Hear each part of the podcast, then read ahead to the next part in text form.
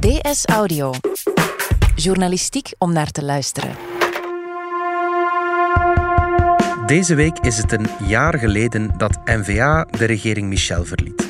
De Vlaams nationalisten konden zich niet vinden in het Marrakesh-pact van de Verenigde Naties over migratie en trokken de stekker eruit. Een jaar en een verkiezingsnederlaag later worstelt de N-VA nog steeds met het thema. Waarom is dat zo? Het is dinsdag 10 december. Ik ben Alexander Lippenveld en van op de redactie van De Standaard is dit DS Audio.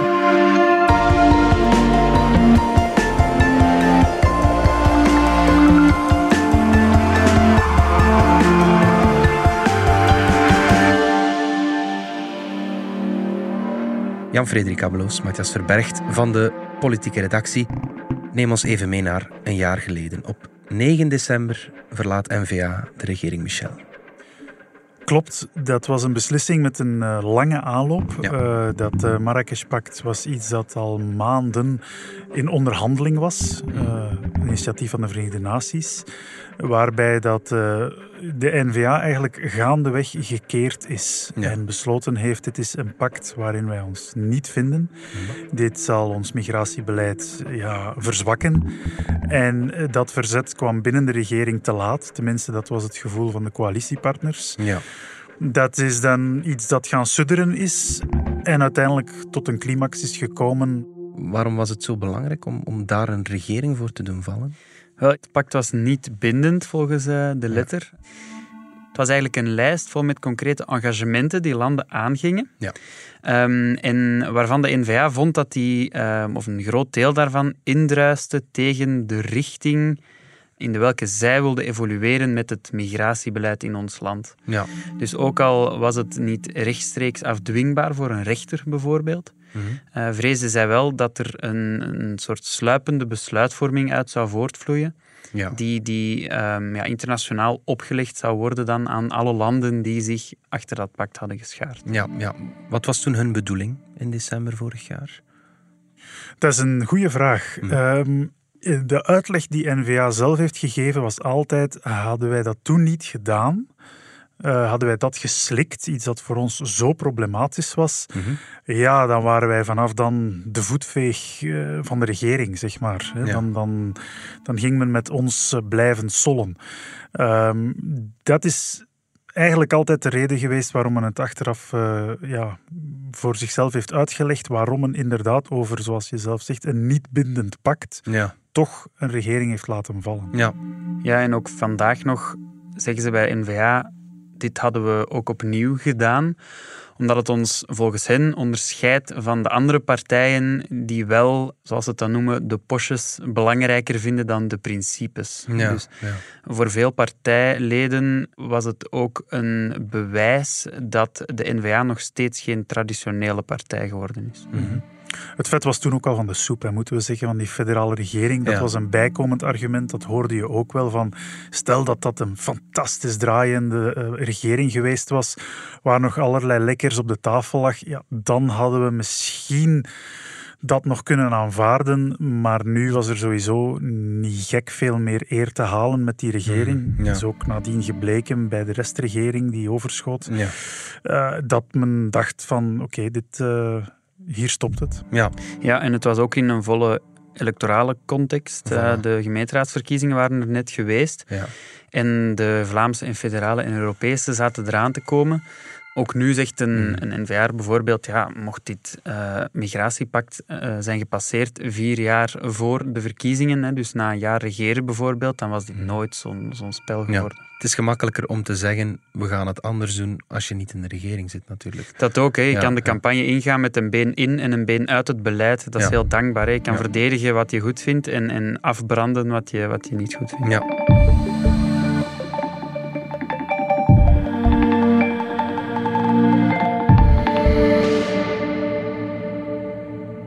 Het is misschien wel geen goede zet gebleken. N-VA heeft 7% verloren tijdens de verkiezingen. Waar is het misgegaan?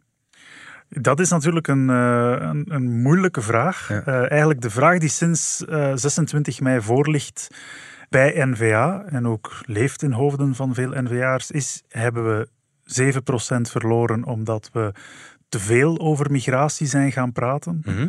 of omdat we niet genoeg over migratie zijn gaan praten. Oké. En dat is een fundamentele vraag, want het antwoord op die vraag brengt natuurlijk een heel verschillende reactie met zich mee. Mhm. Moet je als partij dat thema nu gaan lossen omdat het electoraal eigenlijk niet zo interessant blijkt? Want natuurlijk, de spiegel van dat verlies is de winst van Vlaams Belang Ja. met meer dan 12 procent. Mhm. Eh, of besluit je eh, eigenlijk zijn we nog niet sterk genoeg gaan wegen op dat thema. Wij, Ja. zijn, wij hebben nog niet genoeg gedaan waardoor dat de, eh, Vlaams Belang nog altijd de partij blijft die met dat thema scoort. Ja. En die vraag ligt voor, des te meer omdat natuurlijk N-VA inderdaad verloren heeft. Mhm. Maar in de provincie Vlaams-Brabant, waar Theo Franken opkomt, ja, heeft de partij stand gehouden. En Ja. zeker Theo Franken zelf. Mhm. En dat zorgt ervoor dat het ook voor N-VA niet eenduidig is. Zeker Theo Franken ziet in zijn eh, score het bewijs dat het wel degelijk loont eh, dat je het Vlaams Belang kan pijn doen op hun thema, Mhm. als je maar fors genoeg eh, in de aanval gaat. Maar natuurlijk in al die andere provincies heb je geen Theo Franken. Nee, en dan ja. zie je dat, ze daar, eh, diezelfde, dat diezelfde redenering daar natuurlijk niet opgaat. Nee, oké. Deels om een antwoord op die vraag te geven, heeft Stefan Walgraven van de Universiteit Antwerpen een post-electoraal onderzoek gedaan na die verkiezingen van 26 mei. Jullie hebben dat kunnen inkijken, dat onderzoek. Ja, dat klopt. Ehm, het is een heel interessant onderzoek Hm. dat eh, ook aan alle partijen is voorgesteld. Eh, ook de top van de NVA bijvoorbeeld heeft ehm, naar verluid zeer aandachtig zitten kijken en luisteren. Mhm. Eh, omdat er heel veel in zit. Maar wat in dit verhaal wellicht het belangrijkste is, is dat Welgraven ook onderzoek heeft gedaan naar het waarom achter de shift van die hele groep kiezers van NVA naar Vlaams Belang. Mhm. En een ehm, essentieel concept daarbij is het eigenaarschap over thema's. Ja. Meer dan 50% van de ondervraagde Vlamingen Mhm. wijst bij het thema migratie Ja. nog steeds spontaan naar Vlaams Belang. Oké, ja, ja, En dat is meer dan in 2014. ja, ja, Ook naar de NVA wordt meer gewezen dan vijf jaar geleden. ja. Maar ze hebben dus geen marktaandeel, om het zo te zeggen, kunnen afsnoepen van Vlaams Belang wat het thema migratie betreft. ja. Ook niet nadat dus Franke vier jaar lang op die stoel van staatssecretaris heeft gezeten. Ook niet toen zij eh, met de migratiecrisis werden geconfronteerd in 2015 en met de aanslagen in Brussel. ja. En professor Welgraven, zijn onderzoek legt een heel duidelijke link bloot tussen het eigenaarschap van een thema en de partij waarvoor je stemt als je dat thema belangrijk vindt. Mhm. Dus in 45% van de gevallen duiden de Vlamingen migratie aan als een van de twee belangrijkste thema's die gespeeld hebben tijdens de verkiezingen. Oké, dus migratie was wel een van de thema's van de verkiezingen. Absoluut, was het wordt. thema in Ja, Vlaanderen. ja. Dat is ook zeker onderschat geweest tijdens de campagne door eh, heel veel mensen. Ja, En dat was in 2014 veel minder. In 2014 zei 6% van de Vlamingen dat ze migratie het belangrijkste thema vonden. ja, dat is wel een heel stuk minder. Ja, ja. Is dat dan het Theo Franken-effect? Eh, deels, maar je hebt natuurlijk eh, het feit dat in 2015 het thema zichzelf opdringt aan iedereen. Je hebt die asielcrisis. Elke partij moet zich daar tegenover weten te verstaan. Ehm, wat de NVA dan doet, is zeer snel een discours ontwikkelen dat aanleunt bij het Vlaams Belang-discours. En dat is een discours van eh, cultureel onbehagen, ehm, socio-economische voordelen voor asielzoekers die moeilijk uit te leggen vallen. Ja. Zoals voorzitter Bart Wever dat al snel op ter zake kwam eh, vertellen in 2015. Ook zijn lezing aan de UGent, die doordrongen was van ja, het feit dat er met al die migranten toch een probleem op onze samenleving afkwam. En dat was een soort van ja, pessimistisch geluid dat, eh, dat de NVA is blijven volhouden. Tot zelfs het weekend van de verkiezingen was er een interview met meneer De Wever waar hij zegt, ik begrijp de boosheid van de mensen. Dat is allemaal interessant, maar wanneer dat je de staatssecretaris levert, wanneer jij mee in de regering zat, ja, dan, dan ben je eigenlijk voor een deel kritiek aan het geven op je eigen beleid of op de almacht die je zelf had al die jaren in de regering Ja. om er dus iets aan te doen. Je toont eigenlijk dat je het niet goed aangepakt hebt. Wel, dat was in elk geval de bal die Vlaams Belang heel vlot binnenkopte. Ja, Van, ja. jullie zaten wel al die jaren aan de knoppen. ja. En blijkt ja, dat het toch allemaal niet, eh, niet heel fraai was. Want wanneer wordt migratie een thema? Migratie wordt niet een thema als het fantastisch goed gaat. Mhm. Het wordt een thema als migratiestromen niet onder controle zijn. En als je dan natuurlijk in de regering zit, dan word je gepercipieerd toch door dat deel van de kiezers dat naar Vlaams Belang gaat, als Ja. deel van het probleem en niet deel van de oplossing. Ja. En dat is denk ik toch voor een belangrijk deel de verklaring waarom de strategie van Theo Franken op zijn minst enkel en alleen in Vlaams-Brabant heeft kunnen werken. ja.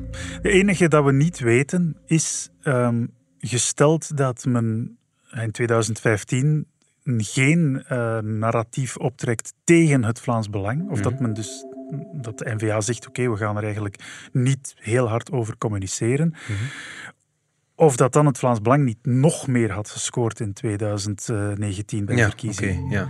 Dat, dat weten we niet. Dus Nee. de NVA heeft nu wat verloren. Vlaams Belang heeft fors gewonnen. Ja. Maar er is een theorie, denk ik, te bedenken dat misschien nog erger had kunnen geweest zijn. Dat, Ja. is, eh, maar dat maar er nooit valt weten. ook een theorie te bedenken dat de megafoon van Franken Vlaams Belang alleen maar in de kaarten heeft gespeeld natuurlijk. Buiten zijn provincie dan. Er is in elk geval een alternatief. Hè. Dat is het alternatief dat Magie de Blok heet, die voor eh, Theo Franken op die stoel zat bij, op asiel en migratie. Mhm. Zij profileerde zich ook op dat thema, maar eh, door net erop te hameren. Het is onder controle, eh, we doen wat nodig is en eh, ik, heb, eh, ik heb de boel onder controle. Ja. En Franken die, die, ja, die hinkte altijd op twee gedachten. Enerzijds wist hij heel goed wat er moest gebeuren, zeker op Europees niveau. Anderzijds ja, gooide hij de handen in de, in, in de lucht wanneer bleek dat er nog altijd transmigranten zaten in Brussel-Noord. Ja. Wanneer West-Vlaamse burgemeesters klagen over het feit dat er transmigranten over hun grondgebied liepen. Dus er was een enorme spanning tussen, en dat is dan heel slim uitgebuit dus, door het Vlaams Belang, tussen de theorie van Theo en de theopraktijk, zoals Ja. eh, Tom van Grieken altijd zei. En dat is echt, een, denk ik, een, een heel pijnlijk zinnetje gebleken Ja, ja. voor N-VA en voor Theo Franken. En in Vlaams-Brabant heeft hij dat kunnen rechttrekken via zijn figuur. Ja. Ehm, maar misschien wel ten koste van al die andere provincies. Ja, want in Vlaams-Brabant eh, zegt ook Walgraven, volgens hem bewijst dat net zijn stelling. Want hij zegt in Vlaams-Brabant is Theo Franke er wel in geslaagd om dat eigenaarschap over dat thema naar zich te trekken. Ja. Dus mensen die in Vlaams-Brabant dachten migratie, dachten Theo Franke. Ja. En die staat op een lijst waarop ik kan stemmen. Maar Franken wel en NVA niet. Dat is, dat is het Ja. probleem voor Dus NVA. het heeft niet afgestraald op zijn partij. Hoe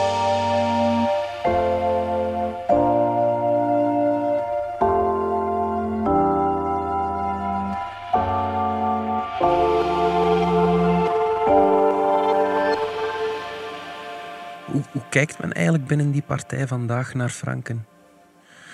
Goh, dat is een goede vraag. Je hoort daar wel diffuse geluiden Ja. over. Hè. Ehm, ik denk dat ze samen te vatten vallen als...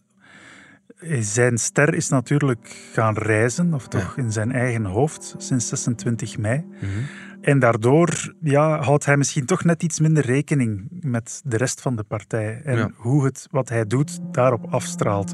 En zeer concreet hadden we daar een voorbeeld van. Wanneer hij eh, twee weken terug plots opduikt in Nederland bij het Forum voor Democratie aan de zijde van Thierry Baudet. Mhm. Om net daar opnieuw te beginnen over het Marrakesh-pact. Ja. En eh, ja, hoe dat toch vandaag nog altijd eh, enorme ellende is, dat ding. Ja, en dan zie je dat, dat, dat hij dus helemaal niet bezig is met één, de zeer delicate regeringsvorming die op dat moment Mhm. bezig is en waar dat Bart de Wever net zijn vinger in de lucht heeft gestoken om te zeggen ik wil aan zet komen. Mhm. Ja, dan moet je niet beginnen over dat Marrakesh-pact. En opnieuw zuigt hij alle aandacht naar zich toe, wordt N-VA gereduceerd tot de Marrakesh-partij, terwijl dat die partij, en dat toont ook het onderzoek van professor Walgraven aan, ook net veel terrein te winnen heeft op andere eh, domeinen. Ja. Werkgelegenheid, criminaliteit, milieu, zelfs milieu is Oké. N-VA na Groen de tweede partij waar mensen aan denken. Groen heeft daar weliswaar een enorm marktoverwicht, maar Ja, ja. dus er is, er is, en dat hoor je ook wel van verschillende Iemand die NVA's. zo polariseert, dat past niet in, in dat de theorie verhaal. is, er is veel te winnen in het centrum en op andere domeinen, er is Weinig misschien op. op dit moment weinig te halen bij migratie. Oké. Ja, want Vlaams Belang gaat natuurlijk op dat elan blijven doorgaan. Hè. Mhm. En om even terug in te pikken op wat er gebeurd is in, in Nederland bij Forum voor Democratie. Mhm. Eh, Franken had het daar inderdaad tien minuten lang over het VN-migratiepact, terwijl er duidelijk was afgesproken binnen de partij om daar zeker in deze tijden van regeringsvorming Mhm. over te zwijgen. Ja. Want natuurlijk, als je uit een regering bent gestapt omwille van een pact, kan je moeilijk in een regering stappen die dat pact gewoon erkent of wilt uitvoeren. hè. Dus dat en wordt je bent de enige partner rond de tafel die er eigenlijk uit wil stappen. Mhm. Ja, en dat is denk ik ook een van de grote struikelblokken. Mocht de N-VA toch betrokken zijn bij formatiegesprekken, Mhm. dan komt dat natuurlijk ook op het bord van die onderhandelaars. hè. Ja, ja. Wat is het standpunt van de regering in zaken het VN-migratiepact? Dat is het eerste wat journalisten en wat zeker het Vlaams Belang zal vragen aan, eh, Ja, aan de. N-VA. Ja, ja. En dat is heel moeilijk, hè, want de N-VA is er uit, vooruit een regering gestapt. Dus ehm, ja, wordt het een, een, opnieuw eh, lijkt het een zeer binair gegeven. Hè. Ofwel steunt de regering het pact, ofwel niet. Mm, ja. Maar de N-VA wil het als enige niet steunen en alle andere partijen die aan tafel zitten wel. Dus dat wordt eh, ook heel heikel.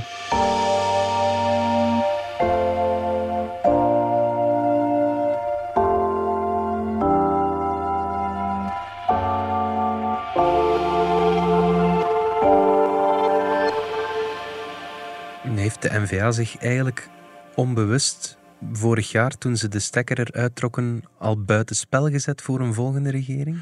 Dat zullen ze zeker nooit zo zien en zeker niet met die woorden. Nee. Want zij hebben er de stekker niet uitgetrokken, Alexander. Het zijn al die andere sloebers van partijen die hen er Ja, hebben ja, ja. uitgeduwd. Natuurlijk. Dus dat is het spel dat gespeeld wordt sindsdien. Ehm, maar het is zoals eh, Matthias zegt, eh, die hete aardappel die ligt daar nog altijd op het bord. Ja. Die is nog niet opgegeten en die zal zeer moeilijk door te slikken vallen. Eh, of, er- ofwel moet de partij op een dag toegeven. Ja, dat verzet toen, dat was eigenlijk een beetje overroepen, want bij nader inzien, en dat heeft toen ook werkelijk iedereen gezegd, tot experts in de Kamer toe, dat pact dat stelt niet zo gek veel voor. Dat Mhm. bindt ons land tot niets waartoe het al niet is gebonden. Maar zij hebben dat opgeblazen tot een soort van Trojaans paard dat heel onze asielwetgeving zou komen ontmantelen. Ja.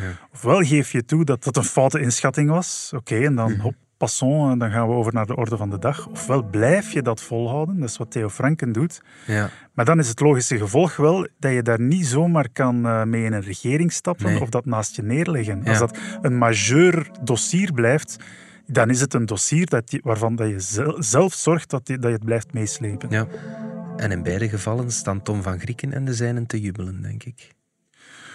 Wel, ehm, dat is dus de keuze die de NVA moet maken. Of Ja. ze nu straks eh, in de regering belandt, wat nog wel zeer kleine kans toe is, of eh, in de oppositie belandt. Die partij moet zich een houding aan meten ten opzichte van het Vlaams Belang. En van zodra dat duidelijk is waar ze federaal belandt, moet die keuze gemaakt worden. En die is heel simpel. Gaat, gaat men proberen het Vlaams Belang eh, laat ons zeggen, te bestrijden, te bekampen op diens eigen terrein. Wat wil zeggen met een, een zeer assertief migratiediscours, waarbij je dan wel nog altijd enige afstand moet houden van het toch wel nog aangebrandere discours van het Vlaams Belang. Mhm. Of zeg je, "Mm, ja, die strijd kunnen we niet winnen, we moeten het beginnen hebben over andere dingen. Mhm. Ja. En, en binnen de partij is er wel een overeenstemming dat de, de loutere standpunten van Theo Franken en het beleid dat hij voorstelt over migratie wel gedragen wordt door de partij. Ja. Alleen is zijn megafoon zo groot dat hij de anderen overstemt. Ja. En het is inderdaad zeer belangrijk voor de NVA om eh, meer te gaan diversifiëren hè, in, in zaken eh, thema's die ze bespelen. Ze hebben daar ook de figuren voor, maar die komen er niet uit omdat die Franken ja, als een schaduw boven iedereen hangt. Ja. Mhm. Ik denk dat er nog een tweede element ook daar speelt.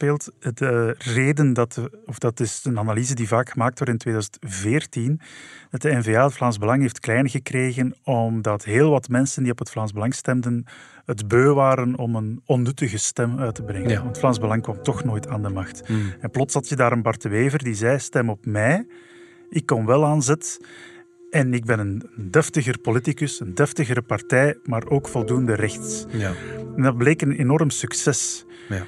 Maar nu is dat een imago dat hij opnieuw wat moet zien te veroveren. Want ja, als N-VA evenzeer als Vlaams Belang aan de kant gaat staan, Mhm. uit een regering stapt, Ja. ja, waarom zou je dan niet stemmen op het radicalere alternatief? Mhm. Ja, en bovendien heeft N-VA ook van Vlaams Belang, door er zo lang mee te praten, een partij gemaakt die wel al dichter bij dat beleid staat. Hè? Mhm. Dus eh, het werkt in beide In de oppositie staan ze dan vaak schouder aan schouder, kan ik me voorstellen. Schouder aan schouder en tegelijkertijd En tegen- ga je toch moeten eh, onderscheiden van het Vlaams Belang. Ja. En ze langs rechts voorbij steken, dat lijkt mij onmogelijk. Ja.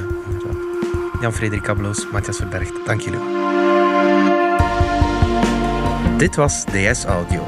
Wil je reageren? Dat kan via dsaudio.standaard.be. In deze aflevering hoorde je Jan-Frederik Abbeloos, Matthias Verbergt en mezelf Alexander Lippenveld. Deed ook de redactie, de eindredacteur is Anna Korterink. Brecht Plasgaard deed de audioproductie. Hij schreef ook de muziek die je hoorde in deze podcast. Chef audio is Wouter van Driessen. Vond je deze podcast interessant? Weet dan dat je er elke werkdag in kunt beluisteren. Dat kan via de DS Nieuws app of via standaard.be-audio. Je kunt je ook abonneren via iTunes, Spotify of de podcast app van je keuze. En als je daar dan toch bent, schrijf gerust een review, zo toon je ook anderen de weg.